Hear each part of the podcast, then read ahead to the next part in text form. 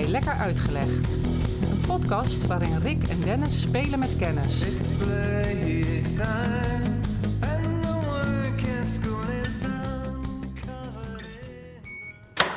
Nee, ik heb eh, een paar maanden geleden, het was nog voor de vakantie, toen las ik een artikeltje en dat was een berichtje over John Hinckley Jr.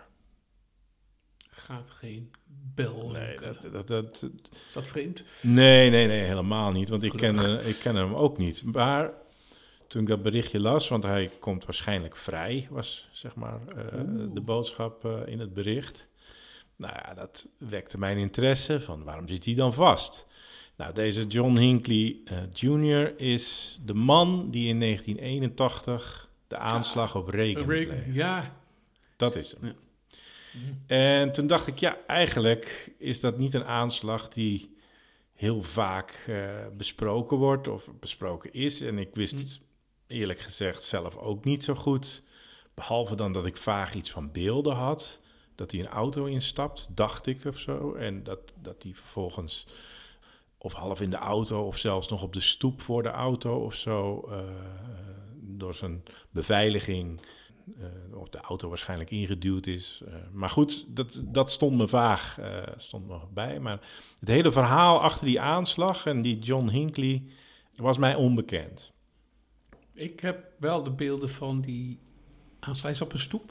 Er Ja, staat een auto dichtbij. heeft allemaal veiligheidsmensen om zich heen. Reagan, hè, wat Ja. niet Hinckley. ja, En er wordt geschoten en meteen zie je dat hele groepje, dat aantal mensen wat er bij rondloopt, dus naast Reagan, dus ook zijn beveiliging, zie je zo een keer woep, in elkaar kleppen, Ja. alsof het een soort van beest wat onder water in één keer zijn hol in kruipt en al Ja. zijn tentakels in ze, ze deden hun werk. Ja. Dat, dat leer je als... eh, Ja, en er werd inderdaad, staat een auto dichtbij, met een muur achter die stoep, blijkbaar voor een gebouw waar die was of zo. ja.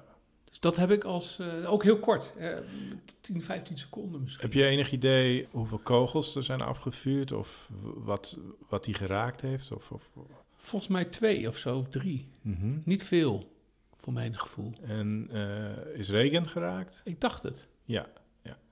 Ja, Reagan die is geraakt. Die wordt door één kogel eh, in zijn long geraakt. Maar eh, er zijn zes kogels afgeschoten. Zes? En Ah. er zijn dus ook nog een eh persofficier is er geraakt. Bradley, die was er het ergst aan toe. Dat is dus, vergeet je ook denk ik in de geschiedenis. Maar die man die is in zijn hoofd geraakt. En die is nog 33 jaar lang invalide geweest. En die is in 2013 overleden. En toen hij overleed, toen werd zijn doodsoorzaak genoteerd als moord. en er werd een nieuw onderzoek gestart. En er werd natuurlijk naar Hinckley gekeken als Ja. degene die Ja. dus de moordenaar daarvan was. Maar het was ook wel duidelijk toch, want die stond vrij dichtbij. Net zoals Jack Ruby bij Ja. eh, eh, Oswald eh, in eh 63. Ja, Gewoon op, wat is het, armafstand bijna. Zo stond die Hinckley volgens mij ook. Ja. Die stond niet ehm, zoals Kennedy vanuit nee. Book Depository in Dallas werd neergeschoten op grote afstand. Ja, of Nee. de, de grassy knoll. Op de grass. ja, ja dat zijn allemaal aan- aanslagen op... Ja. eh, Nee, dit was eh, vrij, eh, vrij direct. En, en, en, dus er is een, een perssecretaris is er geraakt, nog een, een secret agent is er geraakt en nog een, een, een agent van dienst. mhm. Dus uiteindelijk zijn er vier gewonden, zeg ik dat goed? Ja? Ja, vier gewonden met Regen erbij. En Regen dus geraakt eh, in de long. Ehm, weet je iets van de aanleiding of het verhaal achter deze Hinckley?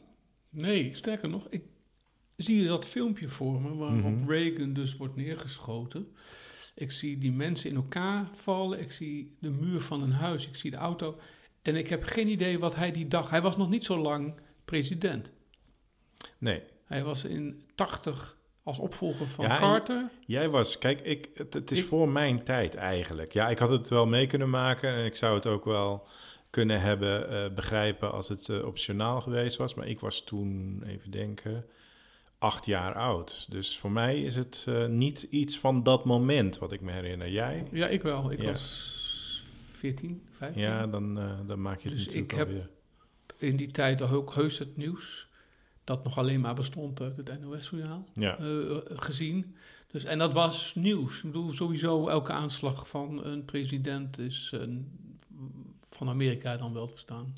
Mhm. is nieuws. Dus ik heb dat wel meegekregen. Ja. Ik heb werkelijk geen idee waarom die Hinckley dat deed. Misschien heeft eh, Reagan iets onaardigs over de vrouw van Hinckley gezegd. Nou, eh, daar komen we. eh, dat is een, een, een educated guess misschien, maar dan toch niet zo educated. Want hij had geen vrouw en dat was een deel van het probleem. oh, is het een incel, zoals dat Nou. tegenwoordig heet? Daar komen we wel bij in de buurt, denk Ja. ik. Ja, tegenwoordig. Wat is een incel trouwens voor degene die Ja, dat voor die niet het niet kent, dat is een eh, onvrijwillige celibatair levende man die eigenlijk geen aandacht kan krijgen van Ja. vrouwen. Nou, dan kunnen we deze Hinkley absoluut een, eh, een, een pre-incel noemen. Want eh, dat, die conclusie kunnen we straks eh, absoluut eh, trekken. Oh. Maar ik wist dat dus ook niet. En ik ben dus aan de hand van dat artikeltje ben ik eens in die Hinkley gedoken. En zo kwam ik erachter het hoe en waarom. En dat is eigenlijk wel een hele interessante casus geworden. Want ik blijf toch een beetje in jouw interessesfeer, want je bent een man van de film. En Ja. we hebben al een paar keer laten vallen dat ik dat wat minder ben. En eh, nu met Hinkley kan ik je zeggen, met dit verhaal heb ik de film even teruggekeken. Film, Maar- het is een heel kort filmpje. toch? Nee, nee, nee, een andere film. Want Oh. de, de aanslag heeft alles te maken met een film waar deze Hinkley door geobsedeerd raakte. Wow, en dat is uit diezelfde jaren, begin jaren 1976, 80. Ja, ja, ja. Martin Scorsese. Wat maakt de Scorsese? Oorlogsfilm? Ehm, het gaat, de hoofdrolspeler is een veteraan. Hunter. Nee, Dat is niet van Scorsese, geloof ik. Taxi Eh, Driver. Taxi Driver. Robert De Niro. Ja. En die film eh, die is, eh, die verschijnt in 1976. Robert De Niro speelt de hoofdrol en eh, Jodie Foster speelt erin. Harvey Keitel speelt erin. En kan jij, heb jij die film gezien? Heb je die nog helder voor de geest? Niet helder voor de geest, nee. Ja, wel- Hij gaat over, eh, eh, de hoofdrolspeler is Robert De Niro, die is dan de, de taxi driver. En hij speelt de rol van Travis Bickle, Vietnam-veteraan. Terug in Amerika, probeert zich nou ja, weer een beetje te settelen en kan slecht slapen, trauma's enzovoort. Post-Vietnamees hebben we het over. Hè? Ja, en hij gaat om zijn nachten te vullen eigenlijk, want hij kan niet in slaap komen. Hij slikt allerlei medicijnen en toestanden om te slapen, om de nacht door te komen. In plaats daarvan besluit hij om dus ook s'nachts te gaan rijden op de taxi in New York. Ja.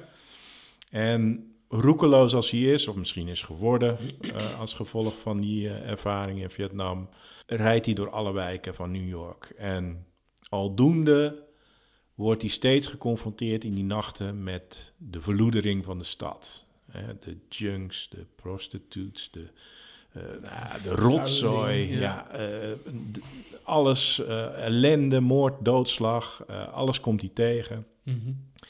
En dat bekruipt hem langzaam maar zeker. Hij wordt wat nou ja, intoleranter. Hij walgt een beetje van dat New York, van dat moment. En tegelijkertijd in de film eh, zoekt en vindt hij contact met een meisje, Betsy, gespeeld door Sybil Shepherd. Die eh, is campagneleidster of zo. Die werkt in ieder geval mee aan de campagne van een politicus. Die wil gaan eh, proberen om president te worden. He, runs for president. Of in, in ieder geval, hij wil de voorverkiezingen wil hij gaan halen. Hij probeert aan te pappen met die vrouw, met die eh, Betsy. En dat gaat helemaal fout. Hij weet niet hoe, hoe hij dat moet aanpakken. Ehm, hij is zie hier al de, Ja, de incel ja, eh, precies, tekens hè, het, eh, eh, verschijnen. Ja, hij is een beetje vreemd van het sociale gebeuren. En, eh, maar het gaat aanvankelijk goed. Hij weet haar te charmeren en zij besluit om een kopje koffie te drinken en later naar de film te gaan. Maar dan kiest hij ervoor om naar een porno-film te gaan. Of, of iets van een of andere Zweedse documentaire over, eh, over, over seksualiteit of zo. Waar, waar zij ontzettend ongemakkelijk van wordt. Kortom, lang verhaal kort. Zij keert hem de rug toe, waardoor hij eigenlijk weer terug in zijn eenzaamheid schiet. Eigenlijk vanaf dat moment gaat hij die campagne van die politicus waar zij voor werkt, eh, nou ja, die gaat hij een beetje bestuderen. En hij krijgt het plan om daar een aanslag te gaan plegen. Tweede verhaallijntje is een prostituee, gespeeld door Jodie Foster. Een klein meisje van 12 speelt ze in die film. Die door Harvey Keitel wordt, eh, als, als pooier wordt eh, Bepooierd. ja, bepooierd. En die gaat hij, daarin ziet hij eigenlijk het onschuld in dat meisje. En om dat meisje heen ziet hij al het kwaad. Dus, hè, en bij die politicus ziet hij ook heel veel kwaad. En het onschuld, dat verliest hij eigenlijk steeds verder uit het oog. Waardoor hij eh, het gevoel krijgt dat hij eh, dat ons, voor dat onschuld moet, moet opkomen. Hij gaat zich bewapenen. Hij, gaat, hij probeert die politicus eh, een aanslag te plegen, die politicus. Dat gaat mis. Hij wordt eh, in het publiek al snel herkend en hij gaat op de vlucht. En uiteindelijk, met al zijn wapenarsenaal, besluit hij om de omgeving van die prostituee, Iris, zo heet ze in de film, om die dan maar aan te pakken. En dat doet hij. Dus hij schiet de pooier eh, dood. Hij schiet een klant dood. Hij schiet de hoteleigenaar dood die de peeshokjes eh, voorziet. En hij eindigt met ook zelf een paar kogels in zijn lijf op de kamer waar zij op dat moment een klant ontvangt. En eh, Iris die zit daar ook als enige overlevende met hem half dood. Kern van het verhaal is dat door zijn daad hij door de pers wordt gezien als een held. Dat is dan, vind je het dan niet vreemd als iemand een moord pleegt en moorden pleegt in dit Mhm. geval eh, als held kan worden gezien? Ja, het wordt uitgelegd inderdaad van iemand die opstaat tegen de verloedering en het kwaad. En dat eigenlijk eh, wordt toegejuicht. Hè? Eindelijk is iemand die, die opstaat tegen. Maar dat doet aan de hand van zelf ook maar het kwaad en de verloedering en de dood, eh Ja. doodzaaien. Ja. Dus het is helemaal niet zo romantisch. En de film is ook helemaal niet zo romantisch als dat einde, dat heldendom wat hem eh, uiteindelijk wacht. Want de film eindigt volgens mij met een scène waarin die Betsy eh, eh, een taxi aanhoudt. En hij, het is toevallig zijn taxi. En zij zit dan achter hem en zegt dan van hi Travis. En feliciteert hem eigenlijk met wat hij gedaan heeft. Hè. Hij herstelt helemaal uit het ziekenhuis. Maar zo van, nou eigenlijk weet je, het is goed wat je gedaan hebt. En eh, net als iedereen in de stad ben ik ook trots op je. Dus hij groeit van, weet je, dit heeft iets opgeleverd. Ik heb eh, haar hart, zeg maar, ook een beetje laten smelten door mijn daad. Nou, en die kern, uit die film Taxi Driver, daar gaat deze John Hinckley zich dus mee vereenzelvigen. Hij gaat zich gedragen als die Travis Bickle, als Robert De Niro.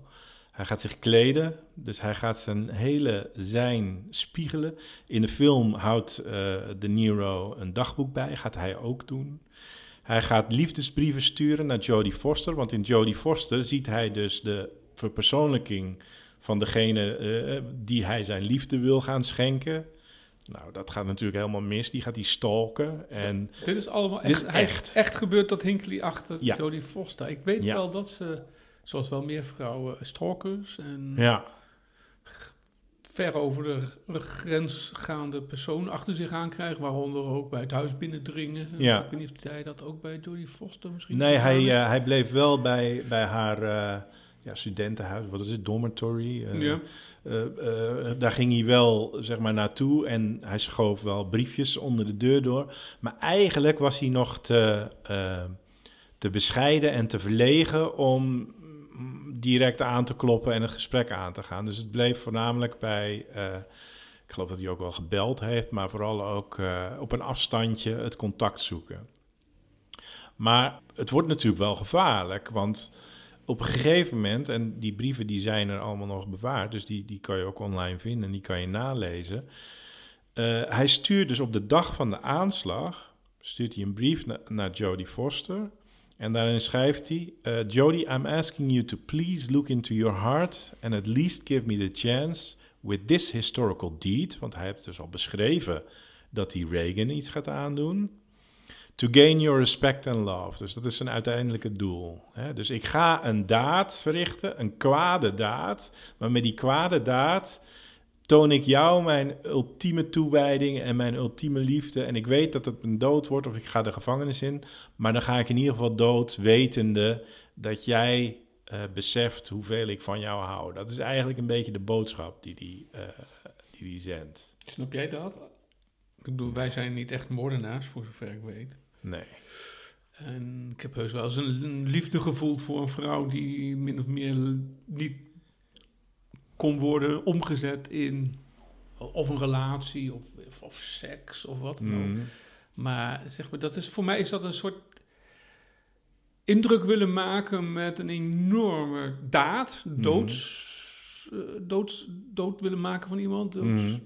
Het ultieme. Ja, en daarmee dan op een vrouw indruk Nee, maken. Ik, ja, ik vind het moeilijk om dat voor te stellen. Nee, daar, daar, daar, zover gaan mijn gedachten niet eens. Maar Nee. het is wel... ehm, kijk, zijn, hij, hij, hij wordt opgepakt en hij komt natuurlijk voor een rechter. En hij wordt verdedigd door een advocaat en hij wordt aangevallen door een advocaat. De verdediging en hij zelf eh, pleiten voor zijn onschuld. Want hij is eh ontoerekeningsvatbaar. Dat is een beetje de lijn van de verdediging. Hè? Eh, we plead insanity. En hun zeggen dus ook, de verdediging zegt dus ook van nee, hij is onbewust, is hij in die rol van die Travis Bickle gekropen. Hè, vanuit die film.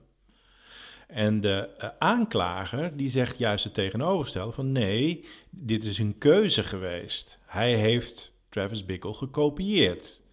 En dat werd eigenlijk eh, de hoofdvraag in die rechtszaak. Hm. En uiteindelijk heeft de rechter eh, eh, in, in 93 geloof ik, is, of 92, nee 82, eh, dus al vrij snel Hm. eh, na de aanslag, he- hebben ze hem vrijgesproken op basis dus van insanity. Dus hij heeft geen gevangenis, hij moest wel het, het, het gesticht, of in ieder geval een, een ziekenhuis voor geestelijk gestoorden, moest hij in. En hij heeft daar dus heel lang ook onder behandeling gezeten. En ik geloof dat hij in 2016 of zo beter is verklaard. Of in ieder geval dat, eh, dat ziekenhuis uit, eh, mocht hij dat ziekenhuis voor het eerst uit. Dus hij heeft nooit een straf gekregen voor het Nee, hij heeft al die tijd, dus van tot, eh, tot van moord. 82 tot 2016, Aanslag. heeft hij in dat, is hij onder behandeling geweest, laat ik het zo zeggen. En vanaf 2016 is hij langzaam maar zeker eh, met verlof en eh, noem het allemaal maar op. En, steeds, en restricties. Hij moest bijvoorbeeld altijd een mobieltje met GPS eh, bij zich hebben. Hij mocht niet naar eh, gewelddadige muziek luisteren of dat soort boeken lezen of dat soort films kijken. Dat werd allemaal gecontroleerd. Eigenlijk werden al de prikkels werden hem Hmm. verboden. Tot dus een paar maanden geleden dat berichtje waarin dus eigenlijk stond dat hij dus in zijn geheel in vrijheid werd gesteld. Dus zonder enkele restricties nog. En eh, volgens mij is het nog niet helemaal uitgesproken door de rechter, maar het was in ieder geval de teneur in het berichtje was dat het eh, hoogstwaarschijnlijk ook, eh, ook een vrijheid betekende voor, de- voor deze Hinckley. Ja, En dan denk jij natuurlijk van, en hoe verder? ik ben wel, ik ben wel benieuwd hoe verder. Ik ben ook, met, merk ik, bezig met andere gevallen waarin hè, werd geschoten op een president. Eh, Mhm. De Amerikaanse geschiedenis heeft, eh, het gaat over een Amerikaanse president, heeft meerdere gevallen eh, Ja. van kandidaten voor of zelfs zittende presidenten. Eh 63. Ja, uiteraard. Dat is, eh, met Kennedy is een bekende. Ehm, Lincoln was die niet eh, Ja, een aanslag in dat theater? die had beter niet naar het toneelstuk kunnen kijken. Ja. Nee. Ehm, En, en deze, eh, de film overigens, eh, Taxi Driver, die is ook gebaseerd op dagboeken van weer een andere figuur. Die heette Arthur Bre- Bremer, net als, Sa- hoe heet ze ook weer? Sa- Sandra Remer. Nee, nee, Bremer. Je had nog een Bremer, toch? Die, Ja. Hoe heet zij nou? Een stuiverzin of zo? Ja, dat is toch Sandra Remer? Nee. Nee, ene, ene Bremer. Of zat... Oh nee, dat was van eh, eh, Vinger aan de Pols. Die was Bremer. maar goed, geen enkele familie... Vinger van- aan de pols. Juist. Nee. Geen, geen, geen enkele familie van Arthur Maar ehm, die dagboeken van die Arthur eh, Bremer, die vormen de basis voor de film Taxi Driver. En dat is dus waar gebeurd. Die Arthur Bremer, dat was ook zo'n beetje zo'n verknipt persoon. En die had het gemunt op George Wallace. En dat was ook weer een, eh, een politicus, maar dat was eh, een hele foute, zo'n zo'n Jim Crow-achtige figuur. En daar is, eh, daar is die film op gebaseerd. Dus het is in Amerika inderdaad meer dan eens. Maar ja, wij hebben hier in Nederland natuurlijk ook eh, inmiddels. Een aantal gasten die van mening zijn dat je mensen moet doodschieten op straat. Ja, dat, eh, Ja, nou ja, de enige politicus is dan natuurlijk wel Pim Fortuyn. Hè? Maar... nee. Nee, hebben we er nog meer gehad? Ja, 1584. Oh ja, ja, ja. ja, nee, ja dat is zo ver terug gaan we ook nog natuurlijk. Ja. Willem van Oranje. Ja. Die Bremer pleegt een aanslag op George Wallace. Schrijft het op. Wordt een film van gemaakt. Ja, In de film wordt een politicus. eh, een poging tot een aanslag Ja. op een politicus. En vervolgens vormt die film een basis voor die Hinckley om eh, een president aan te schieten. Dus dat, ja, kan je zeggen van, eh, wordt het niet eens tijd dat we informatie achterhouden, zodat mensen niet op ideeën gebracht worden? Nou, noemde- Is het een oproep tot censuur? Ja, ik vind dat altijd... Er lopen mensen rond en ik vind altijd dat, eh, dat, dat je dat niet kunt voorkomen. Maar jij Nee. noemde net iets waar, waar ik wel een beetje aan bleef eh, denken... terwijl jij het verhaal van Hinckley vertelde. En dat was, hij mocht niet naar bepaalde muziek luisteren. Ja, ja. En dat is een mooie zijspoor misschien voor mij, vind ik in ieder geval heel interessant. Er is in Amerika een tijd lang door de gevestigde orde, mag ik wel zo zeggen, of de wat angstige burgerij, Mhm. gekeken naar bands. Ja, En misschien hoort een van onze lievelingsbands, eh, Iron Maiden, eh, ik weet niet wie daartoe heeft behoord, vast wel. maar die zich bedienden van eh, zogenaamde satanische teksten waarin Ja. bloed werd gedronken. En, Ja, weet je wie, wie, wie dat hele in Amerika dat politiek heeft aangezwengeld? ja, Dat was Tipper Gore, de Ja. vrouw van, van Al Gore. ja. Zij is al, als moeder, sowieso, heeft ze zich toen gepresenteerd. Eh, heeft zij, zeg maar, de goede zaak willen dienen door en plein publiek steeds maar te verkondigen van... eh, ik, w- wie wil nou dat zijn kinderen daarnaar luisteren? En zo een heel clubje eigenlijk op hoog niveau eh, actief eh, gekregen heeft. En die hebben er uiteindelijk voor gezorgd dat we al die stickertjes op die cd's en Ja, die albums explicit, kregen. eh, ja, ja, dat was Tipper Gore. Is zij verantwoordelijk voor de stickers? Ja. De sticker gore eigenlijk. Ja, Hm. Sticker Gore, ja. Gore. Ja, de jaren, dat is wel wat dat is recentelijker. Hè? Dat is van Ja, dat is, eh, dat is wel recentelijker. mm, Ik weet niet welke jaren. Volgens mij ergens in de jaren 90. 90, hè? Ja, dacht ik ook. Ja. Maar wat die betreft, die teksten en bands die zich ook bedienden van beeldmateriaal waarin kruisen en Hmm. duivels en nou, Satan Ja, voorkwam op hun LP's, dat werd echt getrokken in richting van wat jij zegt. Hè? Hinckley heeft film gezien, had hij niet mogen zien, want dan had hij nooit zijn daad gedaan. ja, Ja, ja. zit daar wat in? Brrr, Weet ik niet, ik ga je niet psycholoog zitten spelen. Nee, nee. Maar in de jaren tachtig was dat echt een serieuze business. Dat die bands die zich eh, uiten via teksten. En natuurlijk ook niet dus de, de liefste muziek. Het Nee. waren geen country en western eh, ballads die ze speelden. nee. Dat ging met eh, flink eh, grof werk eh, qua gitaren en drumwerk en weet ik veel. Ja, dan zit je al in een verdachte hoek natuurlijk. Dan zit je automatisch... Terwijl de hele link tussen kinderen die... eh, het gaat vaak over kinderen, ook in de Devil puberteit. worshipping, hè, dat kwam er ook Ja. bij. Die satanische moord. Want er is ook een periode in Amerika geweest dat heel veel eh, moordzaken eh, onterecht eigenlijk eh, in een soort van satancultus verklaringen. En mensen met een lange zwarte jas die dan worden veroordeeld omdat ze zogenaamd in contact staan met, met de duivel. Ja, ja de, de Stranger, die, want ik geloof dat dat ook een soort begrip is in Amerika, de Stranger cases, waarin mensen eh, ehm, van mening waren dat er eh, geheime genootschappen Ja. waren. Eh, overigens, dat is nu weer, hè? Dat Pedo- begint Pedofiele, net, pedofiele bodegraven. Ja, Met die, met die eh, met het graven van kinderen. Eh, maar destijds in de jaren tachtig was dat voor mij nieuw. Ik, bedoel, Ja. ik weet niet of het daarvoor al is geweest dat muziek een aanleiding voor, voor sommige mensen was. Op de, dat, dat ze beschouwden dat die muziek een aanleiding zou kunnen zijn geweest voor bepaalde kinderen om bepaald gedrag te vertonen. Nee. Nee, het was wel een reactie op. Hè. Dan denk ik even aan Strange Fruit, op die, bijvoorbeeld die, die lynches in, eh, in het zuiden van Amerika. Eh, die racistische... eh, maar dan, dan is er een gebeurtenis die vertaald wordt in muziek. Maar nu wordt het natuurlijk andersom gekeken. Ja, Muziek het- die eigenlijk vertaald wordt in onwenselijk gedrag, volgens de... Nou ja, wat mij meteen weer doet denken aan bijvoorbeeld Charles Manson. hè, Mhm. die, eh, ik meen, een tijd in het huis van een van de Beach Boys de- eh, ge- gewoond heeft. eh, nummers geschreven heeft. En waar ook Helter Skelter bijvoorbeeld van de Beatles nog weer een referentie aan is. En, en ik denk dat dat misschien ook wel een mooie afsluiter is. Want ik vroeg jou net, hoe is het dan afgelopen met die, David, of, eh, met die John Hinckley Jr.? Nou, dat is nog lang niet afgelopen met deze man. Want als je naar YouTube gaat, dan kan je zien dat hij inmiddels een YouTube-kanaal heeft. Echt waar. 20.000 volgers. En daar kan je eh, eh, hem in vol ornaat terugvinden met een akoestisch gitaar. En hij heeft zijn teksten op muziek gezet. En hij is muzikant. En dat zijn de teksten uit zijn...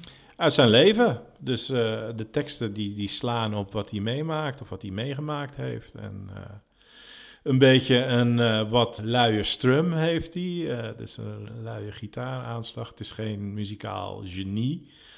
Maar ik zat ernaar te kijken en wat mij opviel...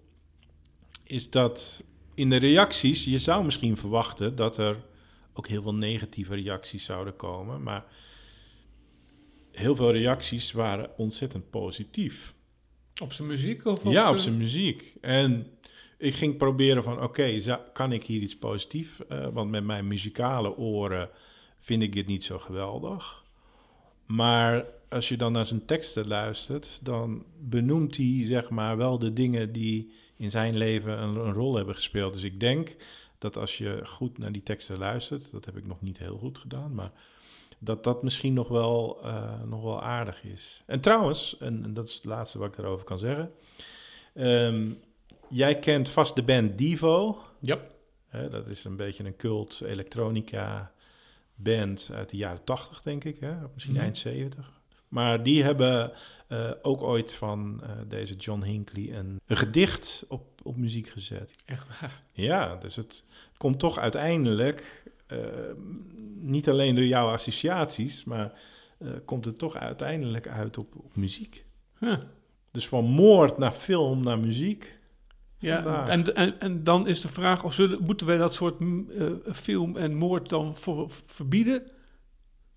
Nou, Nee, ja, moord, moord, misschien nog wel Ja, laten we die moord. De- ja, maar de- het feit dat iemand uit muziek of uit film iets trekt, waardoor hij helemaal doorslaat en, en, en gaat schieten op anderen, dat kan niet, wat mij betreft, de reden zijn dat een bepaalde muziek of film moet worden verboden. Gaat- Nee, ik denk, ik denk dat je veel meer eh, moet denken aan, als, je, als, als, als we daar toch een les uit moeten halen aan het feit, hè, hoe raakt zo iemand vereenzelvigd? Hè? Hoe komt hij tot dit soort waanideeën? En dat is wel iets van deze tijd natuurlijk ook. Hè? Hoe komen mensen, eh, misschien heeft dat te maken met eh, eh, dat we wat meer opgesloten zijn of wat meer individualistisch zijn of, of zijn geworden. Dat mensen toch wat meer in hun eigen hoofden zijn opgesloten en wat minder hè, sociale interactie hebben, waardoor je misschien door je omgeving wordt gecorrigeerd of wordt ontlast of wordt vermaakt of wat dan ook. Dat zou één kant op kunnen zijn. Ik denk zelf ook dat het te maken heeft met... als jij vroeger een een of andere gedachte had... waarbij je iemand wil doodschieten... dan had je niet veel meer dan je omgeving om dat aan te vertellen. En als je het al vertelde. Tegenwoordig kun je an- anoniem dat op een Twitter. Oh ja, of wat dan ja, ook... ja. Is mijn idee hoor. Ik bedoel, misschien... Ik ga wel weer kort door de bocht. Waarschijnlijk ben ik net zo kort door de bocht... als de mensen die in de jaren tachtig... eh hardrock en eh, metal muziek zagen als de bron van al het kwaad. Maar ik denk dat mensen sneller iemand vinden in hun omgeving. En als het uiten, dat iemand zegt: Ja, Zo is het inderdaad. Dan hebben we Ja. niet over complottheorieën hoor en dergelijke. Nee, maar je vindt, eh, je vindt Medestanders. soortgenoten, lotgenoten, Ja. medestanders. Ja, waardoor eigenlijk wat misschien door je sociale omgeving fysiek al heel snel wordt afgedaan als doe even normaal joh. Eh, word je misschien eh, digitaal via internet eh, hier en daar misschien juist aangemoedigd in het negatieve misschien? Of het, Ja, ik denk dat de dorpsgek vroeger niet verder kwam dan de grenzen van het dorp. ja, En dat dat nu een hele verandering is, wat betreft toen een hele andere schaal is nu dat mensen ver voorbij de grenzen van hun eigen dorp. En dat ook in metaforen-zin, in de zin dat je niet alleen maar in je straat mensen spreekt, maar ook eh, mensen eh, uit een dorpje ver weg in. Ja. En dan noem maar een... eh, noem maar een plek die verder is dan, dan 10 kilometer verderop. Ja, ja Hinkley. Alright. Ja, So much for John Hinckley. mooi verhaal. Goed zo. Ja. Lekker Uitgelegd is een podcast van Dennis Ai en Rick Roeland.